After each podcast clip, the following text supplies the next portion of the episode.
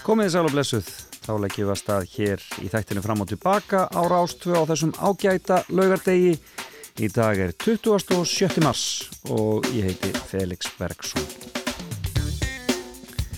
Já, það búið að vera mikil vika hér hjá okkur, það fór að lína hjá okkur á Suðurlandinu en svo náttúrulega kólnar aðeins aftur. Þetta mun svona ganga fram og tilbaka að minnstakosti fram yfir páska og já, byrja eitthvað lengur, það kemur í ljós.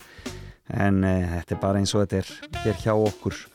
Mikið tátur framöndan í dag, ég ætla að fá til mín e, hann Geir Gunnar Markusson, næringafræðing, hann ætla að koma hér í fimmuna á eftir. Og hann náttúrulega er að e, gera ímislegt skemmtilegt þessa dagana og mér skilst nú að fimmannast tengir svona Eurovision, það er skemmtilegt, gaman að því. En ég ætla líka aðeins að heyra af því sem hann er að bardúsa. Og uh, gott ef hann var ekki að byrta nýlega rannsókn núna já, nýlega eh, og eh, við þurfum að heyra meira af því. Síðan ætla ég að ringja í hana Þóru Björg Smith hér eftir eh, eftir nýju fréttunar heyra í henni varandi tónleika sem standa fyrir dýrum í dag og svo við að tjekka því hvað gerist á deginu og svo er það náttúrulega bara tónlist að hætti húsins og ég held mig við sama heikarshornið spila eitthvað skemmtilegt sem að tengist þessum tíma ásins, þessu vori þegar bæðið söngakeppni og síðan Eurovision. En mér langar til að revja upp gamalt og gott lag og söngakeppni sjónvarsins frá 1988 og þetta lag heyrist allt og sjaldan. Guðrún Gunnarsdóttir þarna einn okkar allra besta söngkona og lagið Dag eftir dag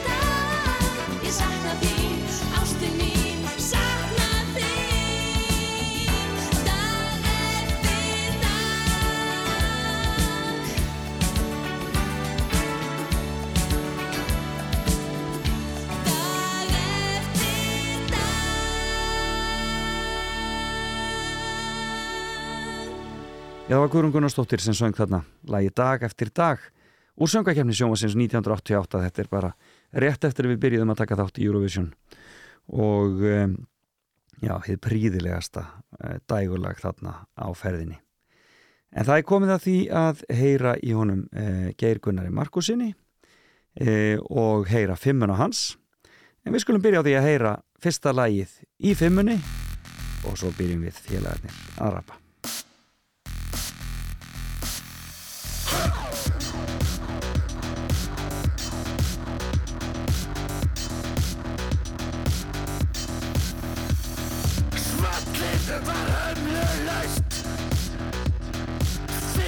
er endalaus.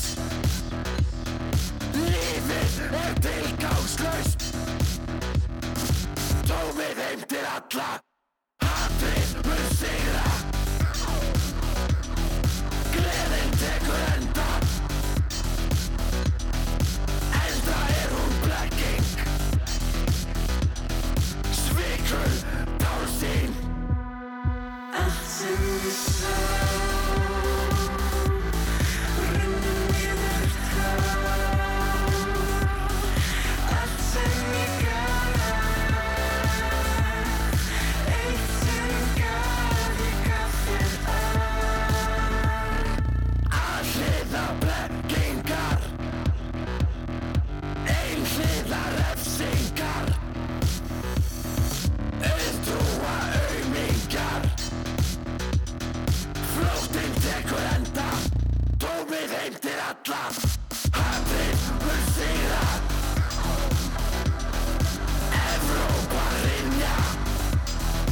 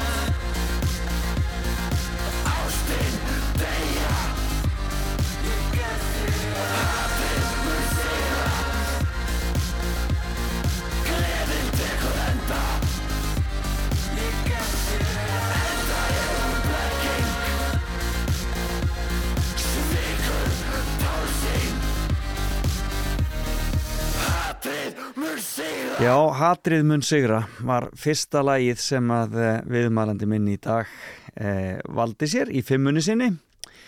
Geir Gunnar Markursson, næringarfræðingur, hjertanlega velkomin í fram og tilbaka. Takk kærlega, takk fyrir að taka mótið mig. Af hverju Hatrið mun sigra?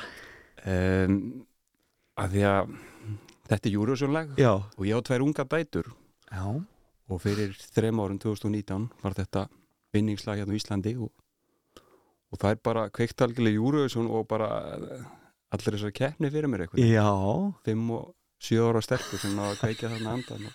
En samt svolítið fyndi á þessum tíma eh, mikið stemming á leikskóla og svona. Já. Það var smá svona BDSM stemming í Já. hatturinn en segir á, það maður smá smeyku við þessar litlu krakka búin að mála sig og með rock on merkja. Þannig að þetta, fimmann mín snýst um Eurovision lög sem að dætu mínar hafa náðu að kveikja áhuga minn og Eurovision. Þetta er frábært, þetta er alltaf gott. Já, þeir, og það, þeir, þau fóru og gerðu gott mót í, e, í Ísrael, Já, svona að einhverju leiti miskusti. já, alveg. Mér finnst þetta líka bara eitthvað svo viðjandi. Sáu þeir ykkur á kúlu eða eitthvað. Já. Hatrið mun segur á Evrópa rinja. Mér finnst þetta svolítið Ah. viðjandi hvað er að gerast í Evrópa í dag og stríðið Úgræn og það. Það er ansi óhugulegt. Þannig og þeir hafi séð ykkur að kristallkúlu það. En vonum við sé ekki sann báður og ástin muni segur á lokum. En- Þótt að maður Nákvæmlega. sé smá svarsýtt núna kannski. Nákvæmlega. Þú ert að vinna uh, fyrst og fremst í hveragerði, eða ekki? Jú, ég starfa sem næringafræðingur og heilsustofn NLV í hveragerði. Já. Þar er ég að ráðleggja fólki um heilsumálefni og Og ert búin að vera þar í svolítinn tím? já, búin að vera þar í, níu, tíu ár. Ég fór eitt ár í leifi á Reykjalund sem Ok. er svona, eða svona samkeppnistofnum, var að prófa með annað og svona þess að vinka sjóteldarengin. Og... En svo er ég mikið bara frílands, skrifa líka mikið fyrir náttúrlengafélagið um heilsutengd málefni. Ég hef mikið áhuga á heilsu og allt sem tengist í næringu, reyfingu, svefn og Akkurat. sálatetrinu. Og svo er ég mikið í fyrirlestarhaldi bara á eigin vegum. Heiti þá heilsu geirin sem Geir Gunnar Markusson. já, Millir í fyrirtæki og stofnun og skóla og reyna að predika hann heilbriða lífstíl. Og eru menn að byggja svolítið um svoleiðis fyrir Já, þetta er alveg, bara heilsan er, er, er ofalega bauð í fyrirtækjum og stofnunum og skólum og skrítnasti fyrirlestur sem ég verið á var núna á förstu daginn, nei, fymtu daginn Já. þá var ég kallaður á kótilettu kvöld hjá Krabbamennsfélagi Akureyra Mér varst nú merkilegt að ég er ekki búað niður að sviðinu og Þar sem þú talaði ítlum kótilettur. kastaði í mig bjórn og kótilettum en ég slappi það það er svona, ég fann að færa upp sko, Já, þannig að ertu- næsta þorrablóti verður Já, heilsu geirin já, akkurat, mættur með, með stand-up. Ekki snerta það sem er í bóði, verður ekki þannig. Það verður eitthvað svoleiðis. Já, dásanlegt. En hvaðan ertu? Hvaðan kemurðu? Upprunalega? Ég er borun og batvættur haffinningur fættist á Solvóki hafnafyrði Gablar? Já, fættist það sólvangi? Ég get dáið það líka, það er ekki heimil í dag Ég segi þetta í gríni að maður finnur staðin og leggst þar í nýpur og segir bless og Já, loka ringnum Já, Þannig ég, ég er mikill gablari þótt að konan hefur dreigið mig í Kópo og búið búi þar núna já. þá er hafnafyrður alltaf minn heimabær og Já. tel mig sem gablara og Og byrjuðum á Krókahraunni sem er svona aðeins rétt fyrir ofan miðbæjan og Mm -hmm. fluttum svo yfir á Norðurbraut sem er rétt fyrir neðan hann þetta er svona gamli, gamli bæri, vesturbæri hann Já, akkurat. Og eru fóreldraðin þá gablar? Mamma er gablari, gallhörð og pappi hennar er í, Já. Pappi minn er sveitastrákur úr Þingvallasveit Svartagili. Þingvallasveit það eimir ennþá honum, hann vil ennþá honum finnst sveitin best og Já. gerir upp gamla traktor og hann er svona meitinn sveitin og finnst þetta borgarlíf svolítið Já, hann er svolítið bjartur í sjömarús Já, hann það var bara vitar ekki alveg inn hérna umferðin og lætin og Já, Þannig að- það er svona, það getur verið mismönd en eigið þið þá eitthvað að, að, að, svona íhlaup fjölskyldan í sveitinni, í þingallasveitinni neini bærin fór í eyði og brann þannig að þetta er bara, við förum hann í berjam og í lók sömars og svolítið svona upp í Já, líðin og það. Þetta Býtu, hvað segir, hvað hei hétt bærin? svarta gil Svartagil og hvar er, hvar er hann? hann, er í, Eða var hann var í hann að hverju, hverju að ljúga er hérna? Já, nú lígur einhver að mér. Einhverju góðu, já, pappiðin er að hlusta. Já, já, já. Eila, hann er í dalverfi þannig að bottsúlurnar eru þarna fyrir ofan og það þannig að þú horfir. Eða þú ert að fara inn að þjónustu miðstofn á þingvöllum stemmir að beða til hægri inn að þingvöll og almanningjá þá beður til vinstri Já. og ert á komin að keiri þar í botn og dal og finnur það þannig að Já, frábært. það er ekki pappi skamma mig núna fyrir að veit ekki nákvæmlega. Nei, nei, þetta er dásanlega sveit og það er fallegt þarna, það já. ekki.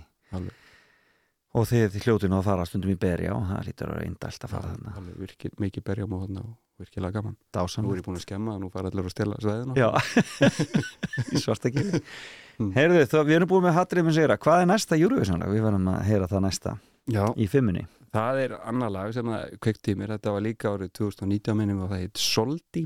Já, einmitt. Ég fann að tala eins og Felix Bergson hérna. Þú ert það svo Þessi ekki segja þetta, alveg ótrúlegt hvernig ég er að breytast hérna í Júrius og Sem nörd, sko, fáses bara formaður hérna. Akkurat. Það er Soldi og sem útleg sem peningur á, íslensku og Muhammad ég held að hann sé en þá er hann ekki Ítalir að koma með hann núna aftur. Jú, jú, hann er að mæta Hann aftur og að nú. koma og hann tók hann annað sætið í, í Ísrael og nú er spurning hvort hann fari Já, alla leið. Á heimavelli.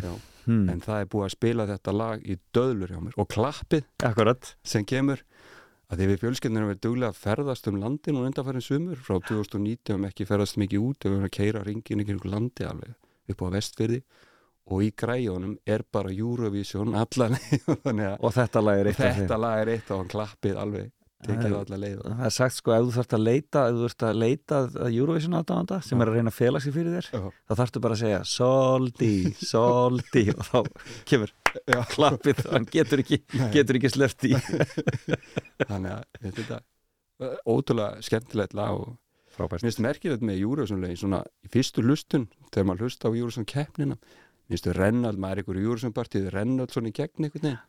En svo tekum maður hringin um landið og þá dæturna það. svona þess að melta þetta bara við, svolítí og svolítí og, og tíundaskipti þetta einhvern veginn að taka í smá melding á þetta, þetta er svolítið svona, maður haldið einmitt að þetta er eitthvað svona ógeð eftir 20 Já, en nei, það er einhvern veginn að næri ekki. Það verður bara betra Við skulum heyra Soldi In periferia fa molto caldo, mamma stai tranquilla sto arrivando, te la prenderei per un bugiardo, ti sembrava amore ma era altro, beve champagne sotto Ramadan, alla tv danno Jackie Chan, fuma narghile, mi chiede come va, mi chiede come va, come va, come va, penso più veloce per capire se domani tu mi fregherai. Non ho tempo per chiarire perché solo ora so cosa sei. È difficile stare al mondo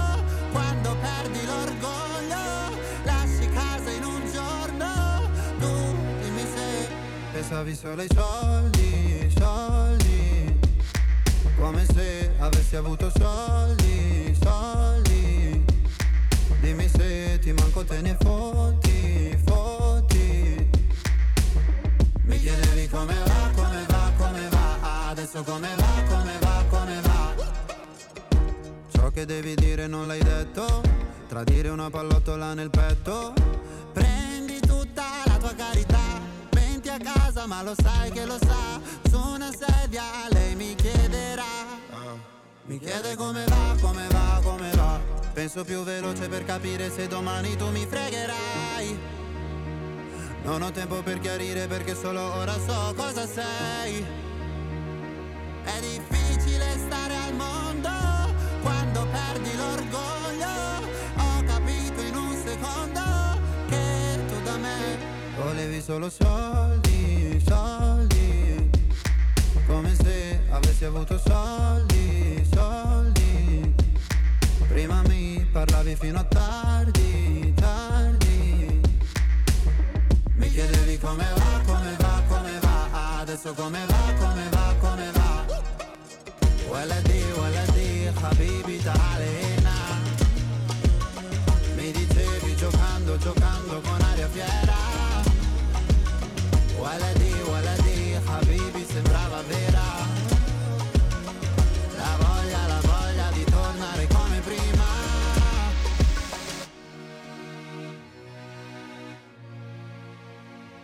Io da te non ho voluto soldi.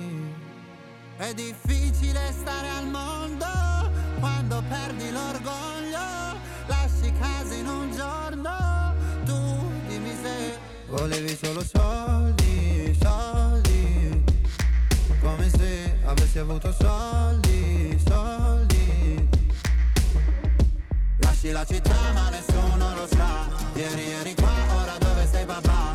Chiedi come va, come va, come va Sai già come va, come va, come va Já, þetta var Mahmoud og Soldi, framlag eh, Ítalíu árið 2019, sama ár og eh, Hatari mætti til Tel Aviv og þetta er annað lagið í fimmunni hans Geir Gunnars Markussonar sem situr hérna hjá mér. Aðeins að dætrunum, hvað heita þær? Það er Sunna og Saga Sunna er 7 ára og Saga er 5 ára Og þær eru, Blöndal Gunnarstætur og, og þær eru uh, svona miklu júru. Svona Já, alveg bara rosalega það er bara júri og svona parti heima á mér og það er verið að gýra sig upp í þetta og bara þetta verða að fá sér stömmur sko bara í, í flokki fylkingar Já. og virkilega gaman og Nei, mér finnst þetta skemmtilegt, þetta er skemmtileg umgjör og náttúrulega öll tónlist er tjáning, þetta er rosalega mikil, mikil tjáning og mikil list og gaman að þessu og ég bara, ef þetta mun ekki samin okkur, ég bara eh, endilega keppum frekar í Eurovision eða verið í stríðin einhvern veginn, þetta bara geta mæsta og jafnveg þetta skundið og ungi lög og reyna að kefst veginn, ég, Það er hugsunni, það er bara ótrúlega skemmtilegt veginn, hvernig þetta ætti að geta samin okkur. nákvæmlega. Mm. Við vorum að tala um árin í Hafnafyrði Já. og uppvöxtin þar. Hvernig var aðalast upp í Hafnafyrði? Það var nokkuð gott sko, ég eh, verið eitthvað rólegur drengur Já, barst ekki mikið á og varstu koni í Íþróttina fljótlega þar? nei, ég er svona alltaf ég reyndi handbólta, fótbólta, körfubólta komst svo að því að vera ekki þessi að þurfa að treysta okkur aðra þetta verið frekar að treysta sjálfa mig Já, þannig ég fór yfir í badminton og var á nokkuð lungin í badmintoni, var í BH sérstaklega bara var fýtt þar sko, vann einhver einlega leiki og tvílega leiki og BH er það Hafnafjörð Hafnarfjarðar. Það er til sem fór sagt, einhverja já, já. keppnisverði í Danmerkur og Já, já. En svo fór keppniskapið svolítið með mig út í gunnur að ég var svo reyður eða ég tapaði leikjum að ég gæti skemmt svolítið nýju spaðana sem mamma og pabbi hefði gefið mér í jólagið eða eitthvað Jónex 20 skonar spaða sem fór í gólfi eftir aðventumót Já, BH og Þannig að það sástu raukt og það það var spaðin farin þannig að mamma og pabbi voru ekkert sér ánægum útgjöldin sem fóru þannig alla þessa spaða Nei. þegar drengurinn reyði ekki alveg við, við keppniskapið og, og upp frá þessu fór ég líka að hlaupa og hjóla mm hljóp mikið um götur hafnaferðar var með þess að pikkaður upp af yfirmanni frjálsjóðadeildar FO sem vildi fá mig á æfingar hún Já. séð mér að hlaupa um götur og hún fekk mig inn og, og ég kom hann inn en það var aftur eitthvað svona hóp, hópa stemming og ég átti að fara elda eitthvað það var bara, ég, betur bara að hlaupa einn og Já, tók þátt ykkur reykjum marathónum og svona hefur gaman að því og, og hjóla á þeim allt, fæ ótrúlega mikið út úr svona hjólreiða, reyfing og allt þetta. Hlaupin eru bara mín, mín þerapía en þú, ef þú hafna, þér gengur ekki vel svona í hóp eitthvað? Nei, ég er eitthvað erfur, ég er eitthvað, eh, eitthvað, eitthvað snert af einhverfi eitthvað, mér finnst ekki, best að treysta á sjálfa mig eitthvað neginn að, ég geti sjálfur djöflast áfram og þá er, er sigurinn og fallið á mín ábyrði eitthvað neginn ekki. Að ég, svo líka með keppniskap ég, ég vil ekki ekki vera vondi við aðra eitthvað. Að, að ég fari í guðnur og lesi yfir þessum sem að klikka á hvað meinar þú Já, síðan já. og klífur þessu og ég, láti- ég held kannski ég sé að verja aðra bara ég ætla ekki að draga aðra nýr í svaði með mér að ég já. djöflast í sjálfum mér en ég En hefur alltaf verið svona mikið kemskap? Já, ég held að það bara eh, alveg frá því mann eftir mér. Og í skóla þá Já, líka alveg í bara námi og nýjur svona og tíur alveg, Já. ég þurfti bara að dugsa þetta var semi-dugs úr Flensborg í Hafnafyrði Já, og náði, svo kom maður í háskólan fór að læra matvalfar í háskólanum. Þá var þetta nú aðeins meiri hraði og svona þá átti hann að ég er ekki að fara að keppa við ykkur verkfræði nörda hérna maður ná, ná tíu verk, starffræði greiningu eitthvað þannig Mhm. þá svona stempaði maður og kannski var svona meiri já, slakaði sá í náminn átti að segja að þetta myndi fara með mig í gröfinni ég myndi reyna að stefna á sama árangri í háskóla ég var að stefna í framhaldsskóla að, En þú ert semst í Flensborg já, ég fer í Flensborg og líkaði vel þar Já, það bara ótrúlega, ótrúlega góð ár og ég var svona líka hörku námsmaður og Já. Ég hef aldrei byrjaði seint að drekka, maður satt með í félagslífun átti góða vini og svoleiðis en ekki, ekkert félagsmála tröllega og svoleiðis, mm Mhm. bara var, var svolítið sjálfur mér nógur oft en, en aldrei að ég væri eitthvað einmanna eða þetta ekki, ég átti góða vini og en þannig að í dag er góðum samskiptu við þá en hvernig kemur næringafræðin svona sterkinn í lífið þitt? Hvað er það sem það er bara frá því að mann eftir mér sko alltaf ég segi hugsaði þetta um og þetta byrja kannski svolítið sjálf og að maður byrja að hugsa um hilsuna ég var að vinna í fiski í Hafnafyrði og 15-16 ára voru ég að vinna í fiskinum og fór allir strákarnir, og eða strákarnir sem voru að vinna hann upp á Mhm. þak í matarliðinu það geggja gott viður í júli og, og mjög margir strákar sem rifus úr og ofan og voru þarna berir ofan ég bara horfði á þess að kroppa hana Já. og fannst sjálfur svo tjöppi eitthvað Já. þetta gengur ekki Geirgunar. þú verður að gera eitthvað í þessum kroppi klikkaði eitthvað og ég fór að Já. hugsa meira um matræðið og reyfa mig meira eitthvað. það var eitthvað, eitthvað vendipunktur þakka þessum gæjum hann sem Í, í já, þarna í. Já, akkurat. herjólskutunni sem að fengum mig til þess að Og, það, og þú er hreinlega fórst að setja þig í samband Já. bara við mataræði Já, þá. bara ég fór virkilega að hugsa vel um matinn og fór að reyfa mig meira og mamma skammaði mér frá því að maður eftir mikið græmmetis og ávast að þetta Já. ég var alltaf að borða epli, skildi epli eftir út um allt Já. en þannig að í dag er ég mikill epla maður, get borðað þrjú fjögur epli á dag og svo er svolítið þreyttur á mömmu, ég var að borða epli og hún skildi afgangan eftir út um allt inn í stofu og mamma, kunni getur ekki reynda að passa þessi afganga færi rusli? Og ég reyndi ekki lust á mömmu og fór bara að borða allt epli til að Já. sína mömmu að ég hætti nú Já, akkurat. Það var betra að borða allt heldur en að henda þig í ruslið. þetta er dag, tekið öll svona. Já, já, það er almennilegt. En, en, en já, það er mjög áhugavert að það, þú bara í rauninni setur það bara tengingu þar við algjörlega strax Mér finnst þetta, ég hugsa tilbaka, kannski svolítið sjálfa, þetta er svolítið grunnhyggja, þetta hafa bara verið kroppurinn en, Mm. en ég held að allir sem koma í næringar og hilsuráki og er að mæti í ræktina í- líka innst inn í er það að vilja líta vel út og líða vel með sjálfan sig og vekja aðdáðun og semst að þetta sé líka þótt að helsan sé þetta nummer Í 1 fyrsta og 3 sæti, já. að Akkurat, já, já, sjálfsögðu. En það, þannig að það hefur ekki komið þá neitt annað til greina hjá þér en að fara að læra næringarfræði? Nei, ég reyndi samt alveg, ég var ekki alveg viss með þetta. Mamma mér vissi þetta alltaf sko. Mm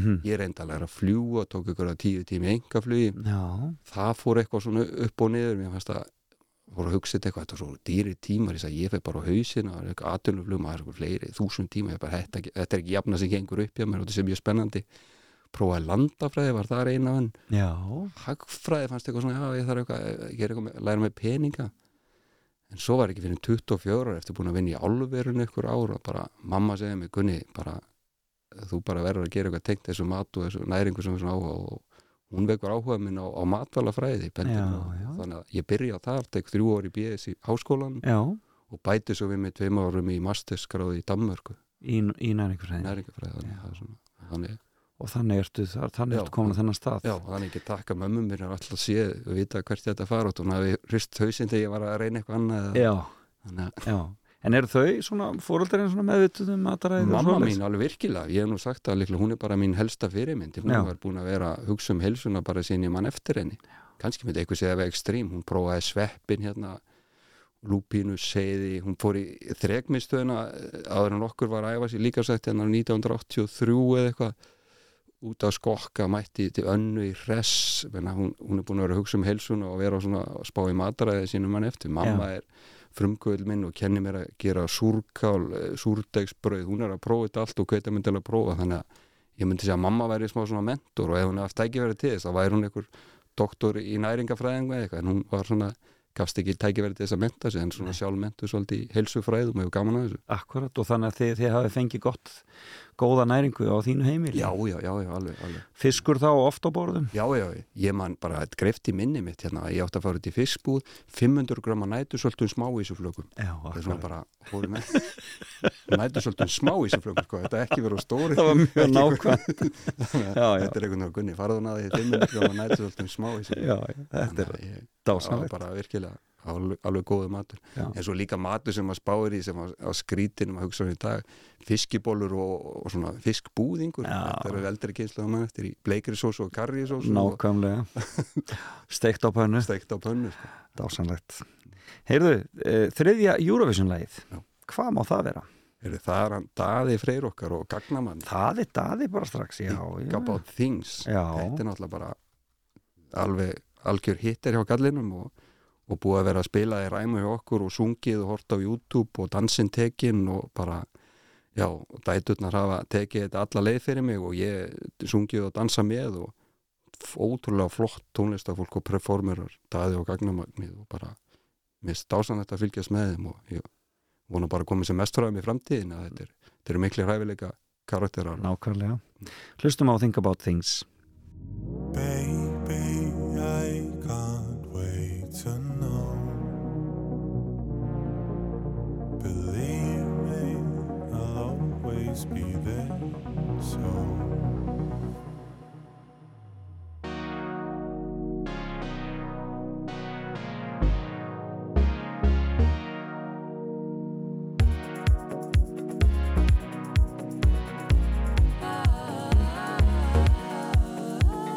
Though I know I love you, I find it hard to see how you feel.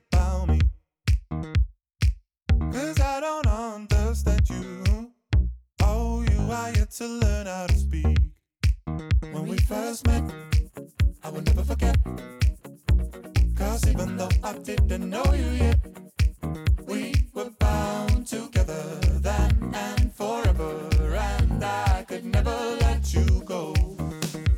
Baby, I can't wait to know. What do you about things? Believe it. I will always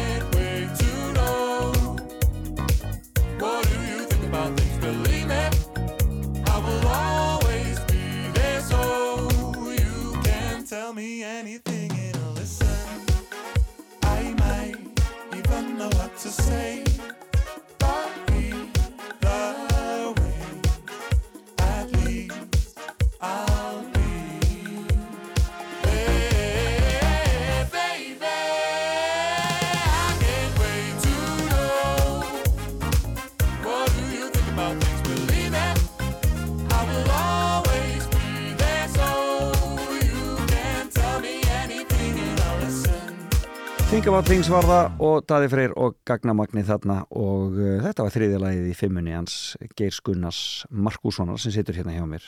Næringafræðingur og uh, já svona heilsu frömuður uh, uh, og þetta er skemmtileg fimma uh, og sérstaklega því þetta er allt, allt nýju lögin, þetta er alltaf af nýru þú byrjar ekki fyrir um 2019 Nei, nei, ég er svona ungur. Ungur að koma út sem Júriðsson Eurovision Koma út úr skáfnum sem Júriðsson en þarna, já, hefur hefur ekkert hann farið á Eurovision eða? Nei. En mér finnst nú, það stefnir nú allt í það að við áhugan á heimilinu sko. Jú, ég hef fylst með þessu ég, maður mann eftir Euphoria sem er alveg eitthvað svona geggjala sem maður mann eftir Ég fell alltaf meira sem fyrir svolítið svona melancholi sko, eitthvað, hollensk Jú eitthvað. já, frábær. og þau hérna á gítarum voru ekki frá Hollandi líka Einmitt, já, það er mest allt svona einhvern veginn svona eitthvað svona melodí og svona sem fær mig til þess að, róa mig niður eitthvað svona, ég finnst það mjög skemmtilegt. Hvernig líst þér á íslenska lagið í ár? ég finnst það mjög flott, já. ég held að ég bara eftir að ná langt sko, Hækkandi sól. Já, þannig en dæturna voru endar á, á hinu vagninu fannst það og það hefði verið frábært lag og flott inn í þessu umræðu með Me Too og það. Einmitt.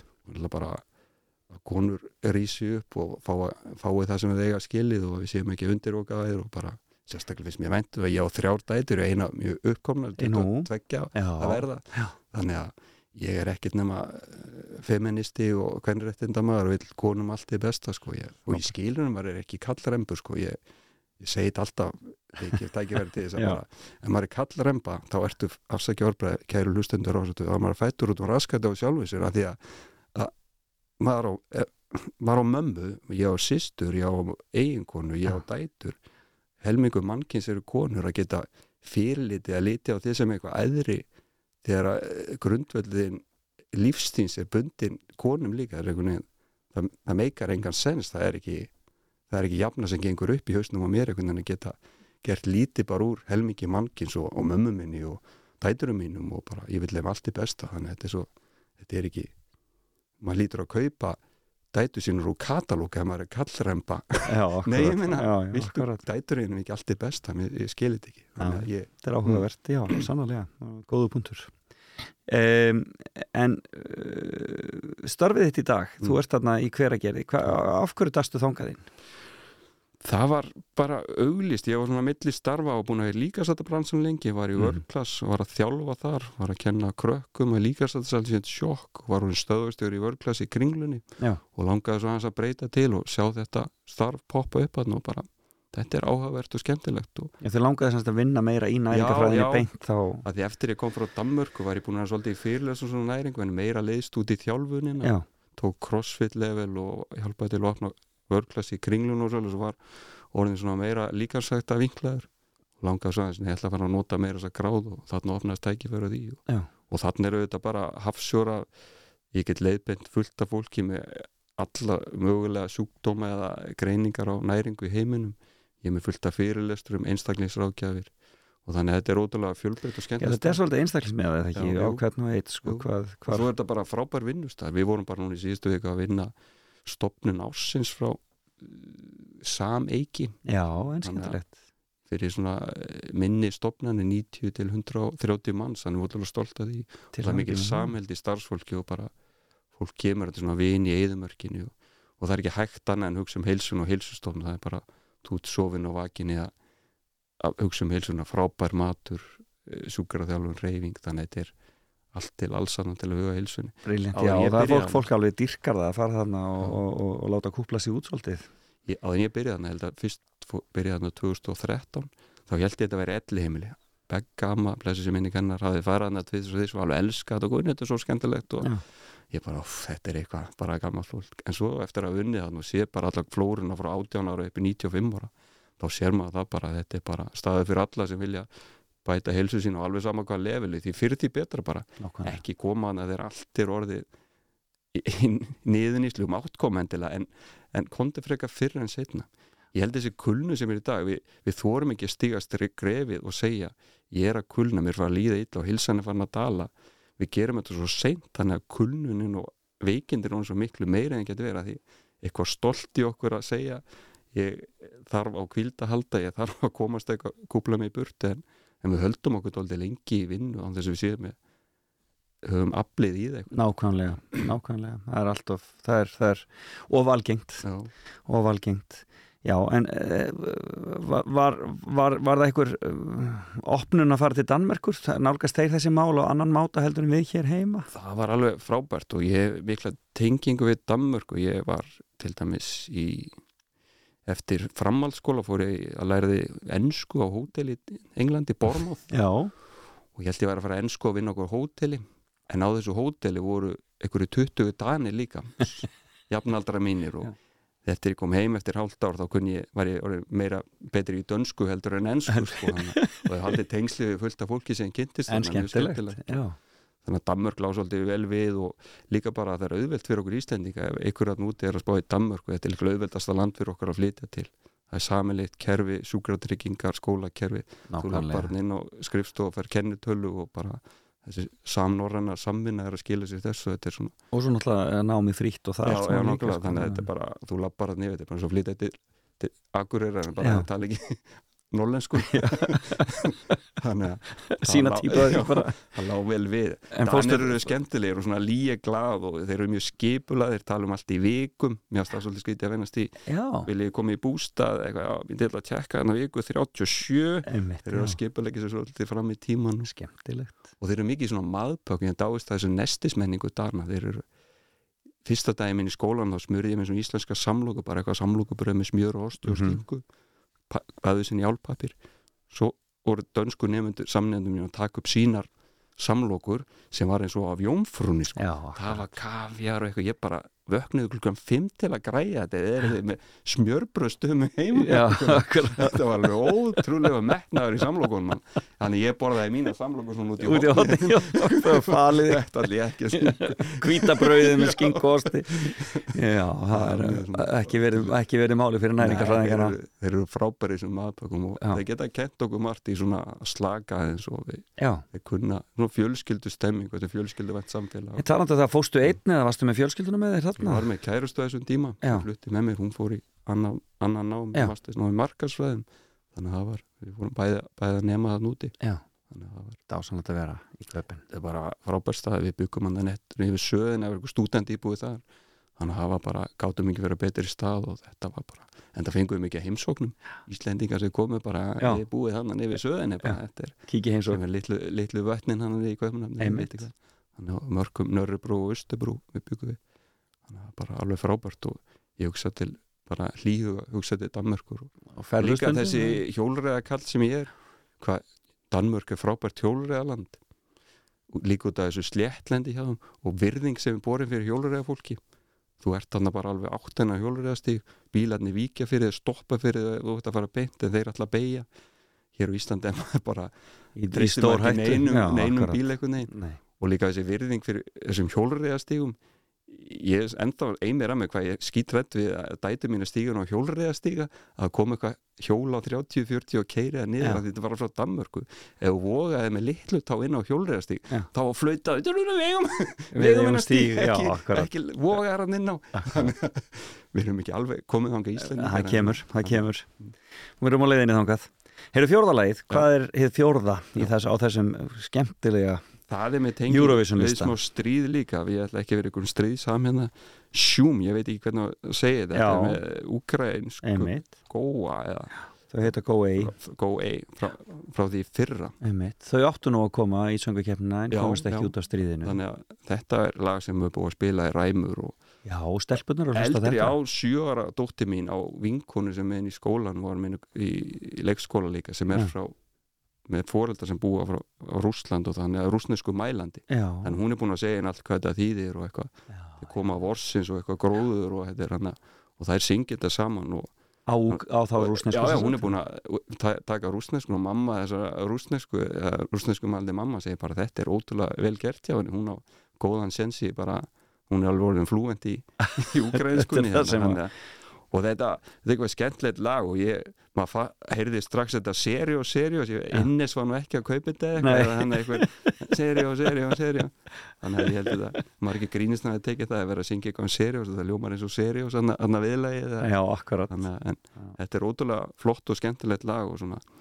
Og ég hefði aldrei trúið að mörg af þessum lögum er að komast inn á bara hlaupa og hjólalista menn ég er bara með þetta henni í græðunum á hjólinu Briljant Við skulum heyra, skulum heyra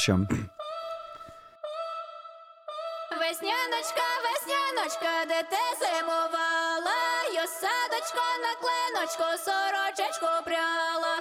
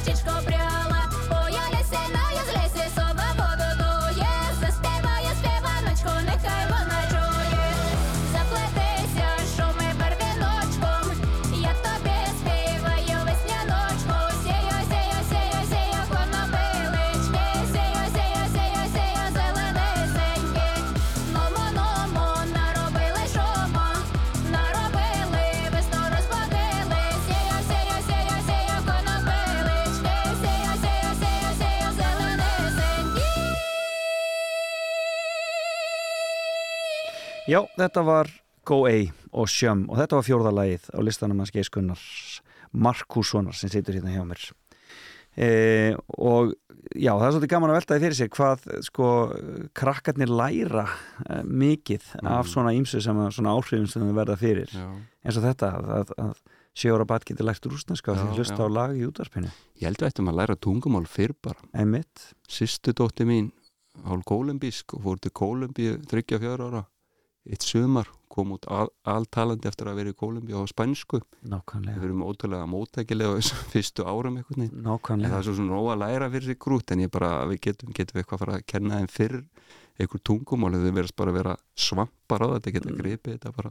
Nákvæmlega og krakka verða tvítingd og já, já, og þau bara auðveldlega. svissa milli og þú veit úgrænska þá, úgrænska á þig og enska þannig að þau eru ótrúlega virkir heila meðan svona gamlir jálkar eins og ég bara myndi taka með nokkur ára það er einhver, segja góðan daginn úgrænsku eða eitthvað, ég bara, maður reynir eitthvað Hvað segir um framtíðina? Ætli, hvernig ætlar að sjá fyrir þér framtíðina? ætlar að vera áfram á, uh, í hveragerði á náttúrulækningast? Já, já, ég eh, verði eitthvað þarna og ég held ég fari meira út í einhver, einhver bókaskrif og fræðslu og svoleiðis Já, og þú varst nú-. Þú varst nú uh, tillað með höfundur í grein um, um kollagen Já, já, já, þannig að og, ég berst svolítið á móti svona hindurvísindum og einhver svona kerfi næring og er svolítið mikið að reyna að predika bara og þá bara fólk mat. bara borði almennan mat já, bara. já. en með því er svo sem ekkert að segja engin fæðubótarefni virki, við getum öll tekið lísi og konur þurfa játn og batningna aldrei ég, og það er til alls konar óþól og ofnæmi og fólk sem er með skort á vítaminum og steinefnum, en svona almennt við erum komið svolítið frá því að að meta alvöru mat og alvöru fæðu. Við erum með rosalega við leggjum mikið mátt oft í ykkur bætiefni heldum að lausnin sé í ykkurum dollum eða flöskum Já, Mm. þegar við ættum í rauninni bara að vera að Já, og fisk borða mat sem nærir okkur alvöru næringaríka mat helst sem næst náttúrunni en, Já. þannig ég, Já, þannig að, það, þannig að þú verður áfram í þessari Já, baráttu. já, ég verð alltaf í svo helsu ég, þetta var bara mín köllum í lífin ég undur gælt við eitthvað annað og ég fara eitthvað annað, ég bara held ég ég vaki nú svo við nýs ég hef ekki svona metna fyrir þessu og ég, þetta er mitt aðal áhuga mál svona en svo eh, spurning hversu mikið fólk nefnir að heyra á Já, predikurinn já predikunina Já. þannig að álmáttuður geirkunar að reyna að predika einhvern helsubóðskap Já, já, það Ah. er um að gera að halda áfram. E, Síðasta lagið er e, á frönsku Já, sé ég. Já, þetta án saga blöndal mín sko, fimm ára alveg skuldlust Já, síðasta sumar á rúndinum um landið spilum við þetta 10.000 sinnum, ef það er búið að spila eitthvað á YouTube þá á saga blöndal helmingin að því eða á Spotify, já, þannig hún bara elskar þetta lag og þetta var tekið alveg, þetta er líka lag sem er svona mínu, þarna er franskan já, sko. mínu kaliber og þarna hái nótar og svona smá gæsa og þannig að það fer upp á hæstu tónan og eitthvað, mér finnst þetta alveg, alveg geggja lag og ég bara já, alltaf gaman að heyra það og ég veit nú ekki hvernig við berð fram hérna, Guðjóns, Tárinars Guðjóns Já, já, þetta- það er rauninni, þetta er, þetta er rauninni, er sama orð, þetta er, hann er, hann er albanskur að uppruna þessi strákur, eða fjölskyldarnas kemur frá Albaníu já, ok. og uh, þeir segja Johns, en þetta er náttúrulega bara í rauninni Guðjón. Guðjóns Tears, eða Já. Tár Guðjóns, kallar hann sig, já, ok en lagið uh, uh, Tool Universe. já, sem er allur, allur heimurinn Já, alheimurinn. akkurat. mér finnst þetta ótrúlega fallett lag og bara ég fæ ekki leiða ekki fyrir eitthvað saga blöndal dótti mín, að Ragnhildur kona mín og Sunna sé eitthvað svona, nenni að hætta að spila þetta er komið nóg af þessu sko bara. Þetta er lustað, þið lustað þetta fyrir söfnin. Sko. Bara, bara, bara briljant. Geir Gunnar, gaman að fá því í heimsók, kæra þakki fyrir að koma í fimmuna og gangi ykkur fjörskildinni allt í hægin. Takk fyrir að fá mig, takk, takk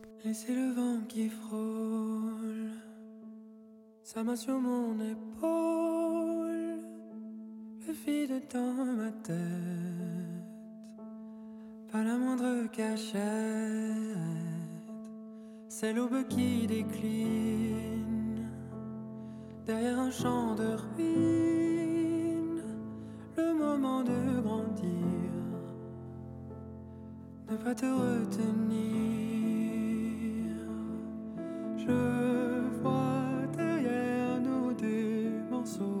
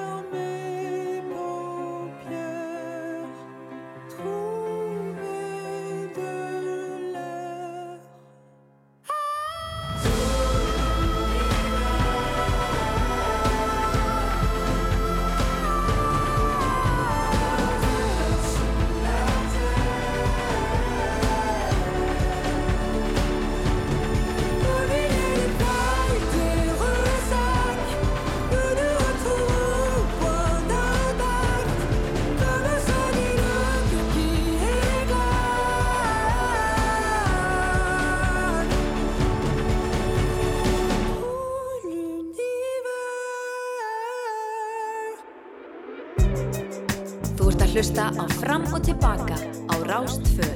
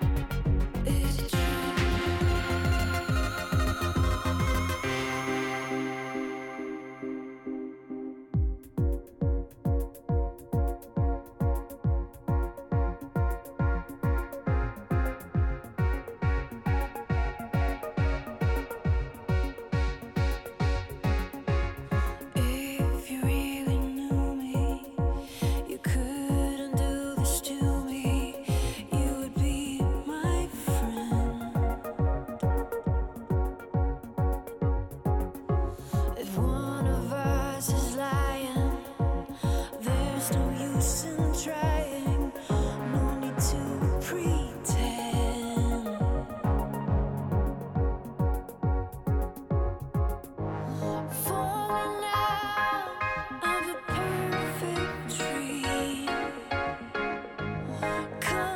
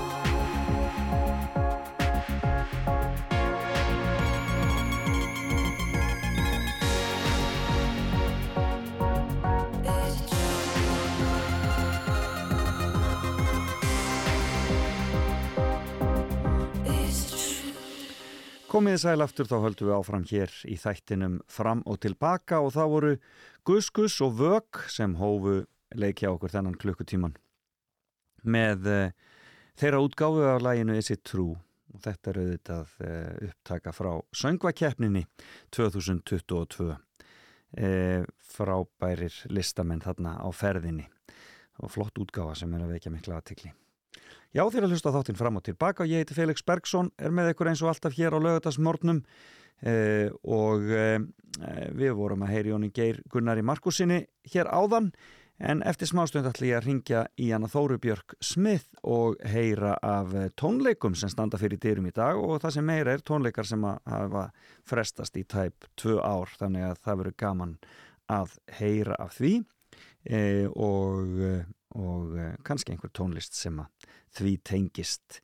Um, á þessum tónleikum það, það kemur í ljós hérna á eftir og um, e, svo ætlum við að spila skemmtilega tónlist. Ég ætla að tekka á eftir á því hvað gerist á þessum degi. Í dag er komin 27. mars hvorki meirinni minna. E, en e, heyrum næst eitt gott, gammalt og gott með Lóri Branningan. Þetta eh, þekkja nú margir. Og það er Gloria, svo ætlum við að heyra í Hjálmum og Prins Pólo. Og svo ringi ég í hérna Þóri Björk hér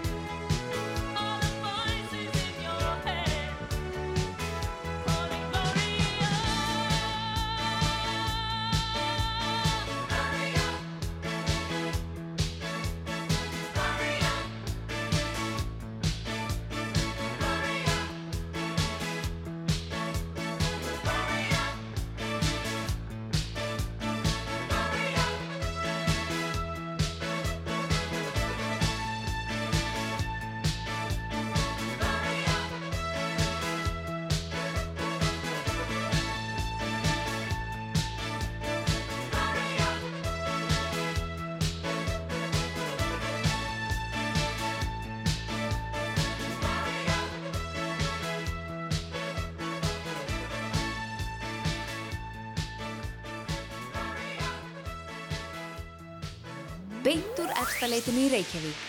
Fram og tilbaka á Rástfö.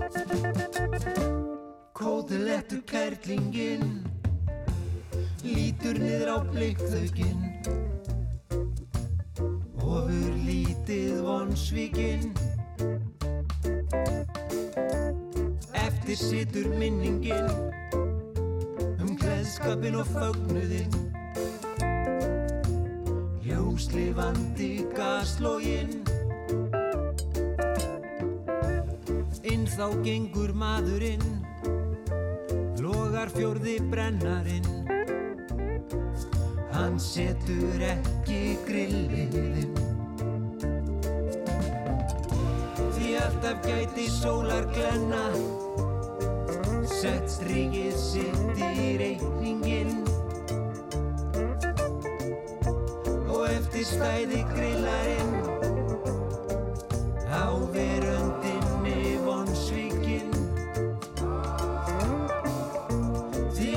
gæti sólar glenna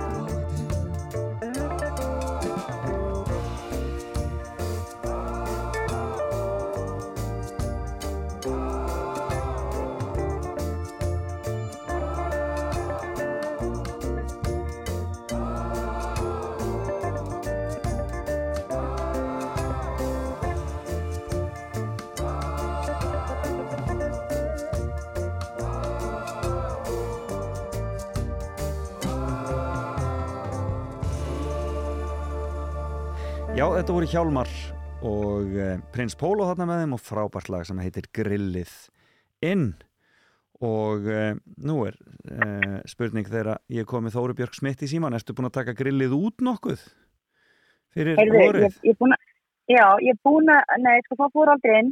Það fór aldrei En eins og þegar ég fór út síðan svo ætlaði að grilla, þá var búið að spila með kúk.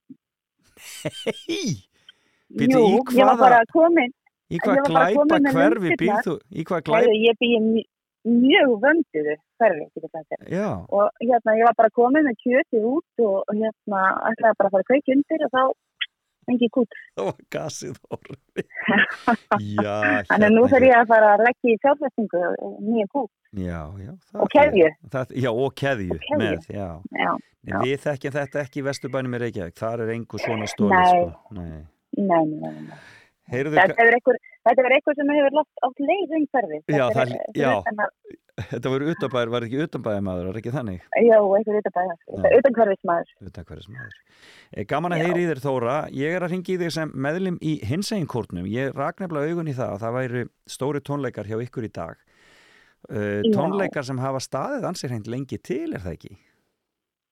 Jú, þetta eru hérna uppáhaldslögin okkar sem við ætlum að flytja í, í Guðræðakirkju uh, í dag klukka þrjú. Já. og vorum búin að æfa þetta prógram uh, í, í COVID-pásunni sumarið uh, nummer 2020 Ok, við vorum náttúrulega hérna, kórastarfið gekk náttúrulega alveg niður hérna þegar COVID hófst og svo kom hérna slækjum sumarið og þá var, voru við hérna æfðu við prógram rukuð í æfingar, einmitt. Já, og hérna sem við ætlum að flytja á hinsegin dögum uh, þá, þess að ætlum að vera með tónleika þá og svo bara bara þrejum, sko það var, við vorum næstu við áttum bara eftir heldur generalpröfuna Já. að þá, þá uh, var skellt í lás Já, já, það það- kom kallmastöndir Einmitt. miklar og hinsegin dögum fresta Já. Og uh, við erum sem sagt núna að, að hérna að bust, bustum við rikið af þessu, þessu prógram og erum að fara að flytja það í, í, í dag. Og þetta eru, það, það heitir uppáhaldslögin, eða ekki? Uppáhaldslög. Jú, pró, jú, prógrami heitir það og þetta eru svona bland, blanda alls konar lögum sem við sungið áður og, og hérna svona eitthvað sem við sungið áður og, og margt af þessu, mörg af lögunum eru í, hérna í útsetningu hennar Helga Massifísadóttir sem að er kórstýrin okkar, snillingur Einmitt.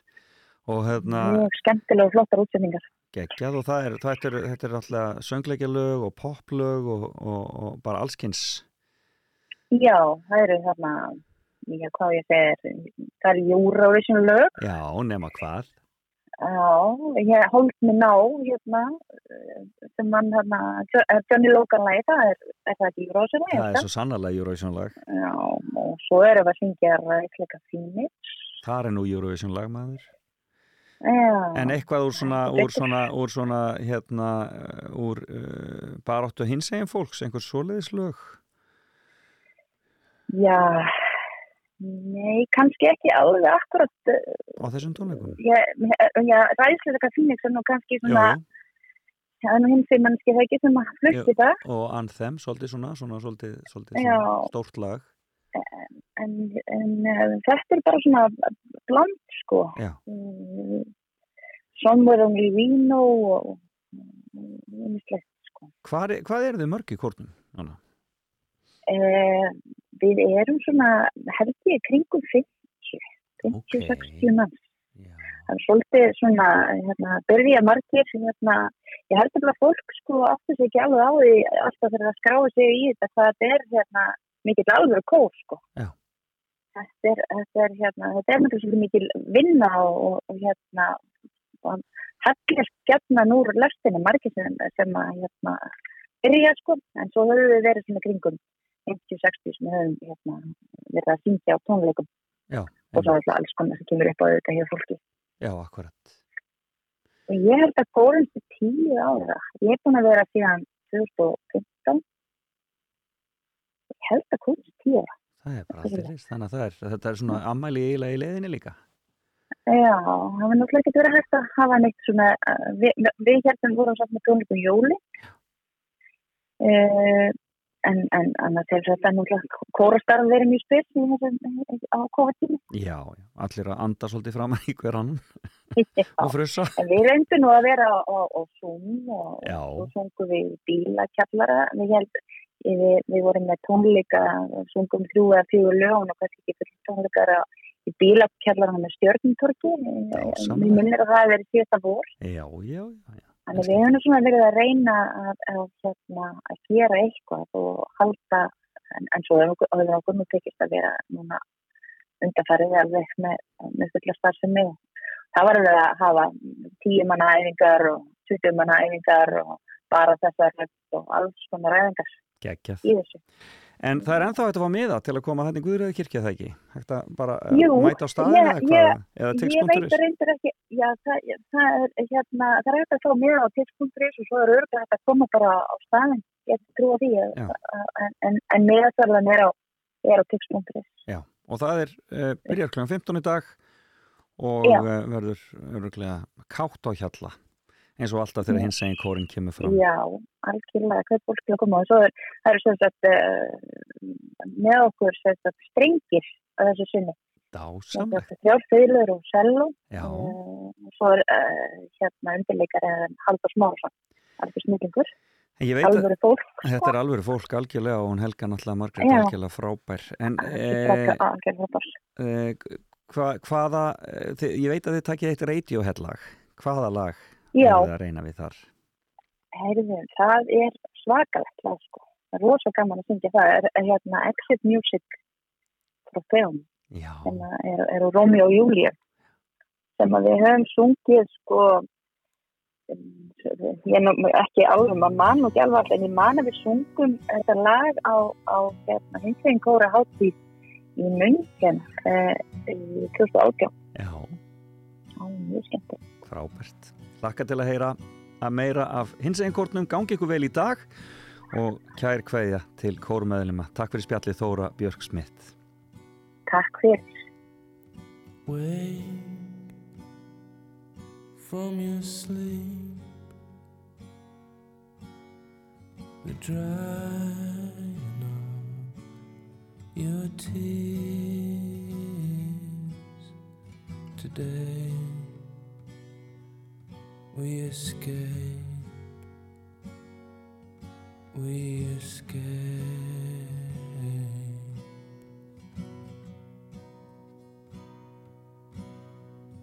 pack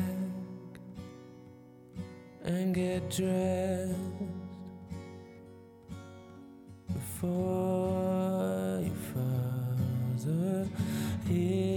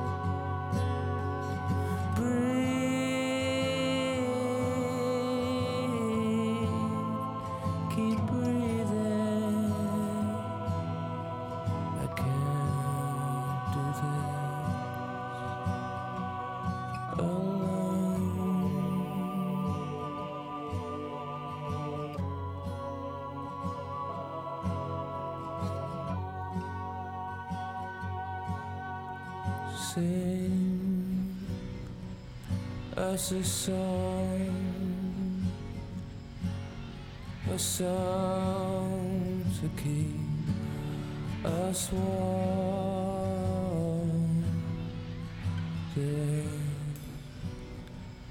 Such a chill,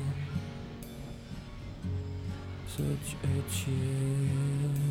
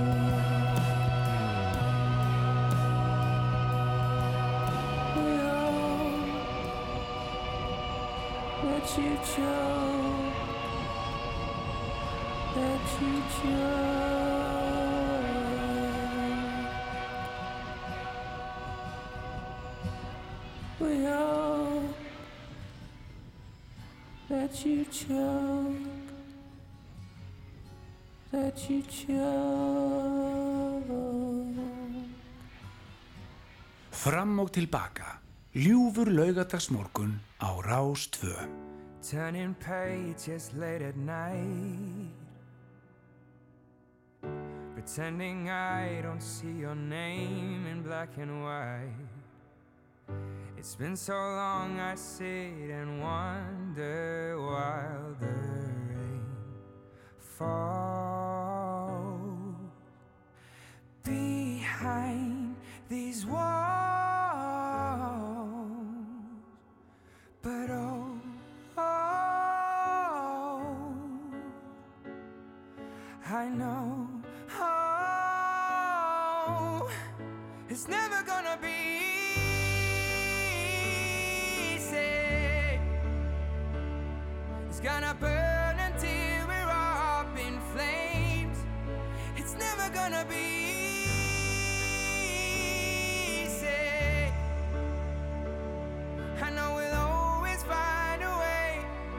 to turn before we bend and break.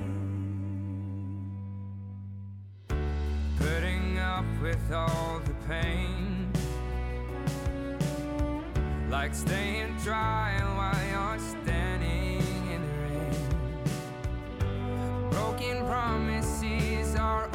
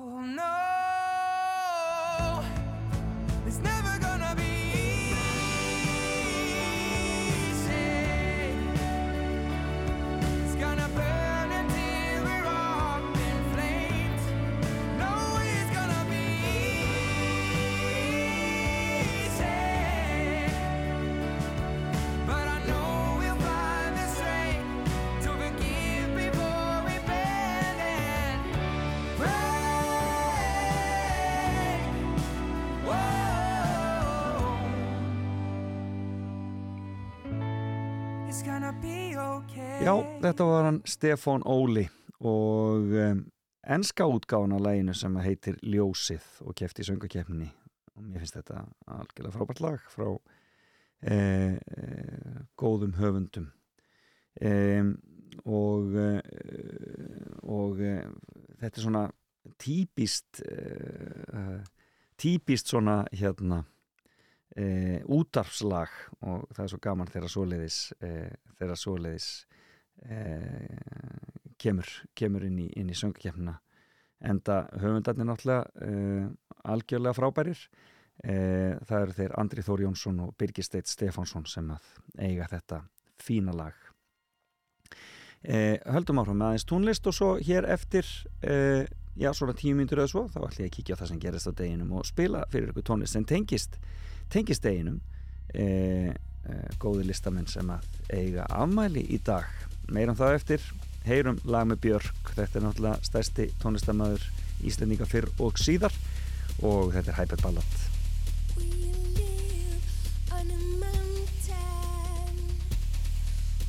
right at the top. This beautiful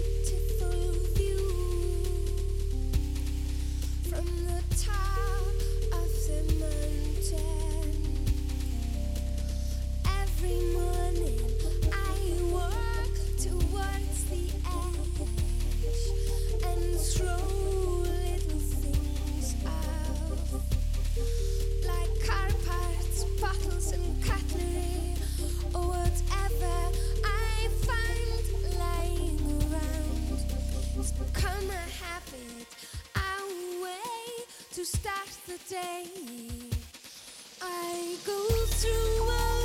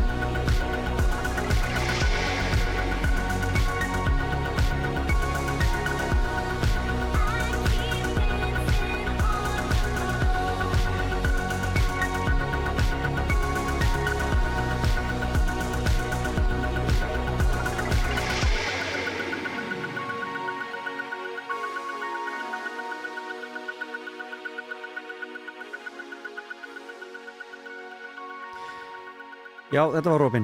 Dancing on my own. Komið sæl aftur við erum til að hlusta fram og tilbaka hér á Rástu og ég heiti Felix Bergsson e, höldum áfram ótröð hér í þessum ágæta þætti. E, gaman að heyra þetta gott sænst pop eins og það gerist best. E, Já, við ætlum hér eftir smástund að tekka aðeins á því sem gerðist á þessum degi og hefur gerst á þessum degi og aðeins að hitla afmælisbörn dagsins, þau eru þrjú í dag svona sem að Já, ég ætla að minnskust að hylla en það er einhverju fleiri þarna úti alveg pottjett, ég, veit hún Glói til dæmis á ammæli í dag. Og skum henni innilega til hamingju og e, fullt af öðrum, öðrum ágætum manneskum sem eiga ammæli í dag. En við skoðum þetta allt saman betur og eftir.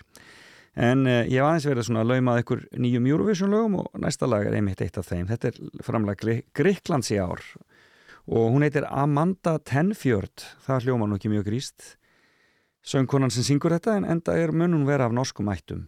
Og lægið, það hefur ekki heilmikla allir heitir Die Together.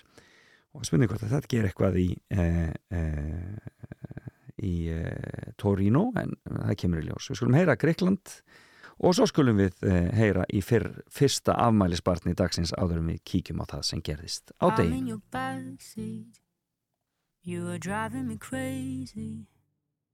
You're in mm. full control. It's like you always know so. Are you having a good time?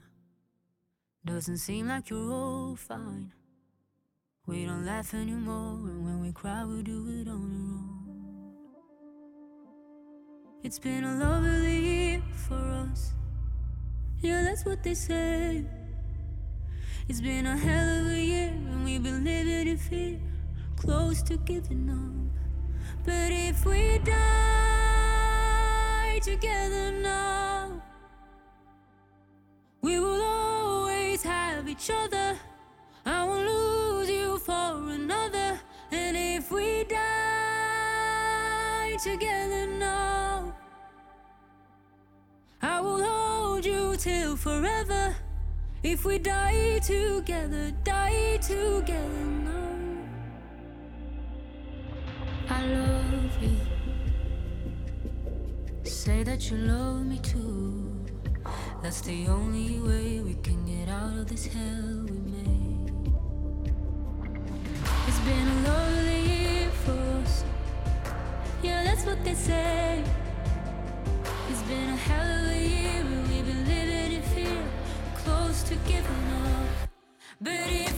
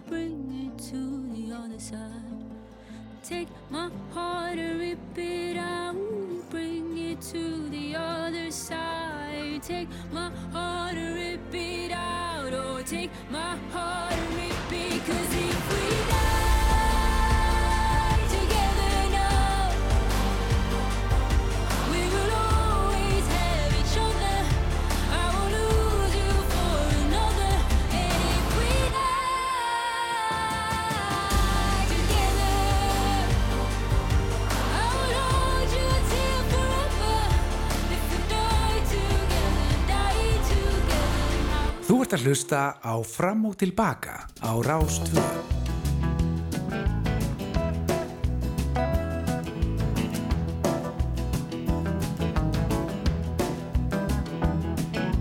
Ég veit um spröndi síðgæðis nefnd Rosaleg frábær með réttlætiskend Á vandraða börnin dugar það tvent Að loka þau inni svo er liklinum hent. Um 14 vetra sýstir mín Hún er orðin veik og talar um hend Á konu í síðgæðis nefnd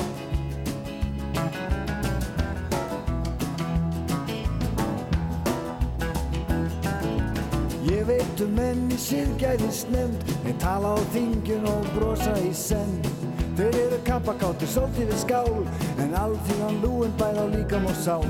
Og afi læðist út í nótt Úr ruslu tínir gler Því allir lífeyrir fór í menn Sem starfið sig gæðist nefnd. Starfa í nefnd. Sig gæðist nefnd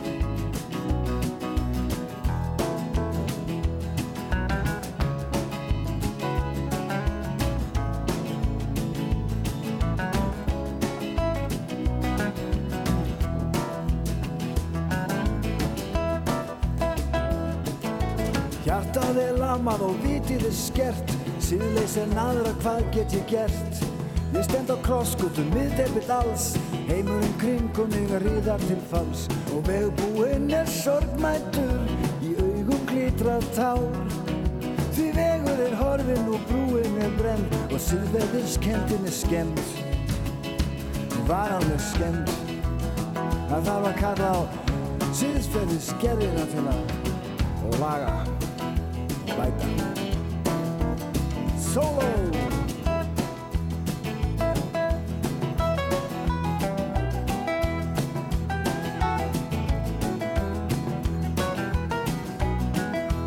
Vegbúinn er sorgmættur úr augum flæða tár. Því vegur er horfinn og brúinn er brenn og síðverðiskendin er skemmt. Já, að búið að limlesta Siðferðiskend Hún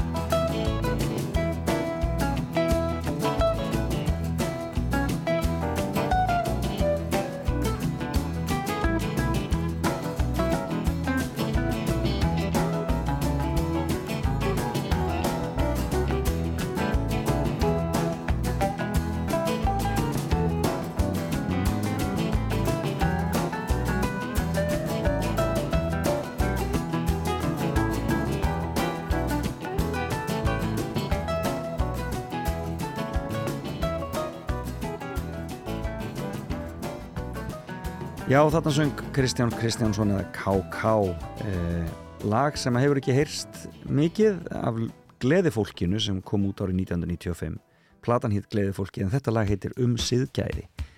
Mjög gaman að rifja þetta upp.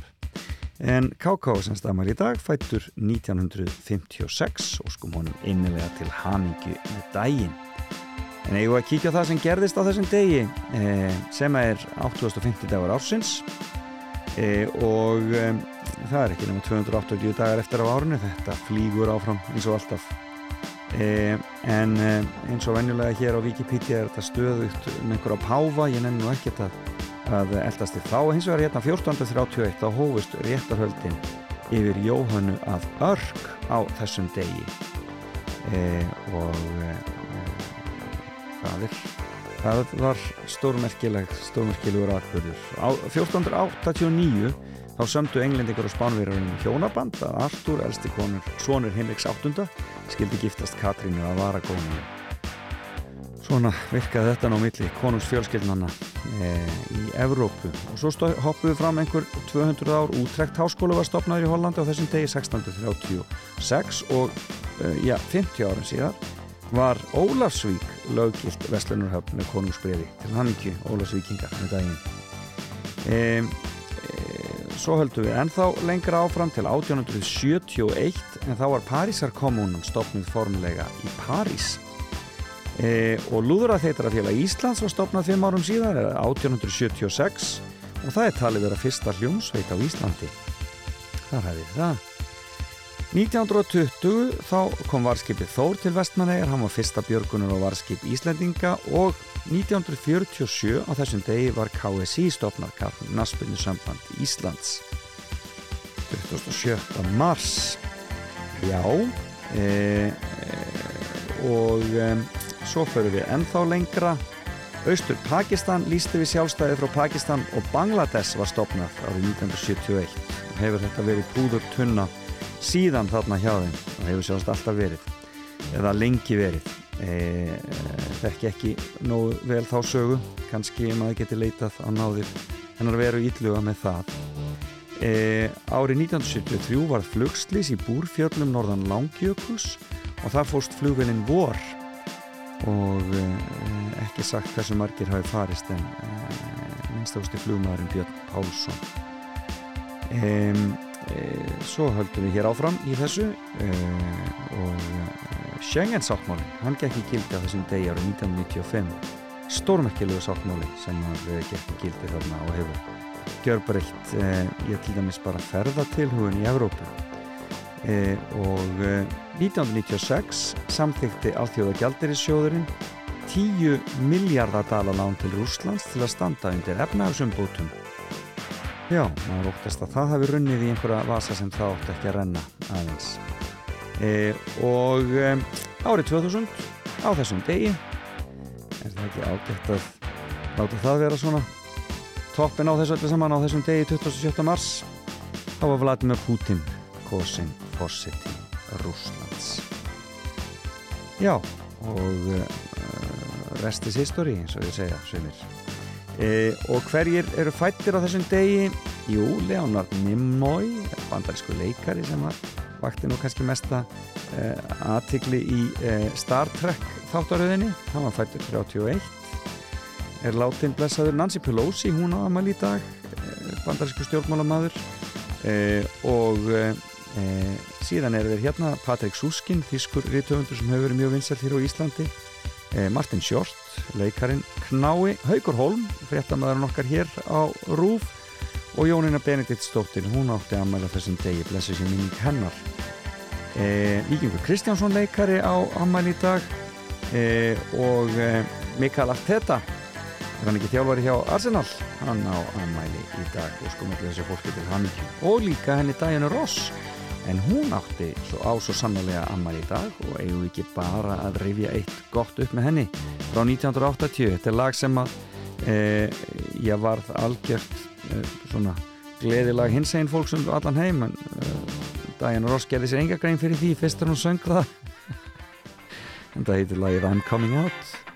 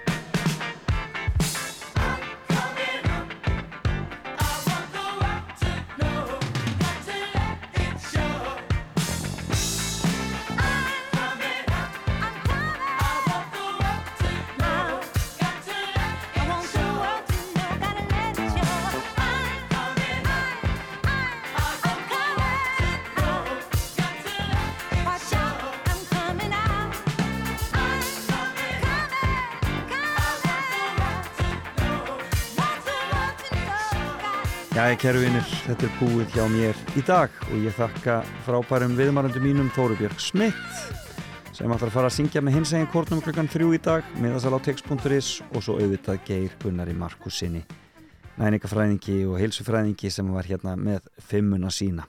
Þáttinn getið þið fundið að sjálfsögðu inn á uh, rúfvefnum og uh, á öllum, uh, öllum hlaðvarpsveitum eða podcastum. Þar getið þið tjekkað á þessu hjá mér núna bara rétt á eftir. En uh, ég ætla að enda þetta hjá mér með öðru amalisbætin dagsins. Það er Steven Tyler, söngurinn í Aerosmith. Og eigum ekki bara að taka gamla góða hittaran hér í lokin. Walk This Way. Takk fyrir að uh, vera með mér og heilast aftur eftir viku. Bless, bless.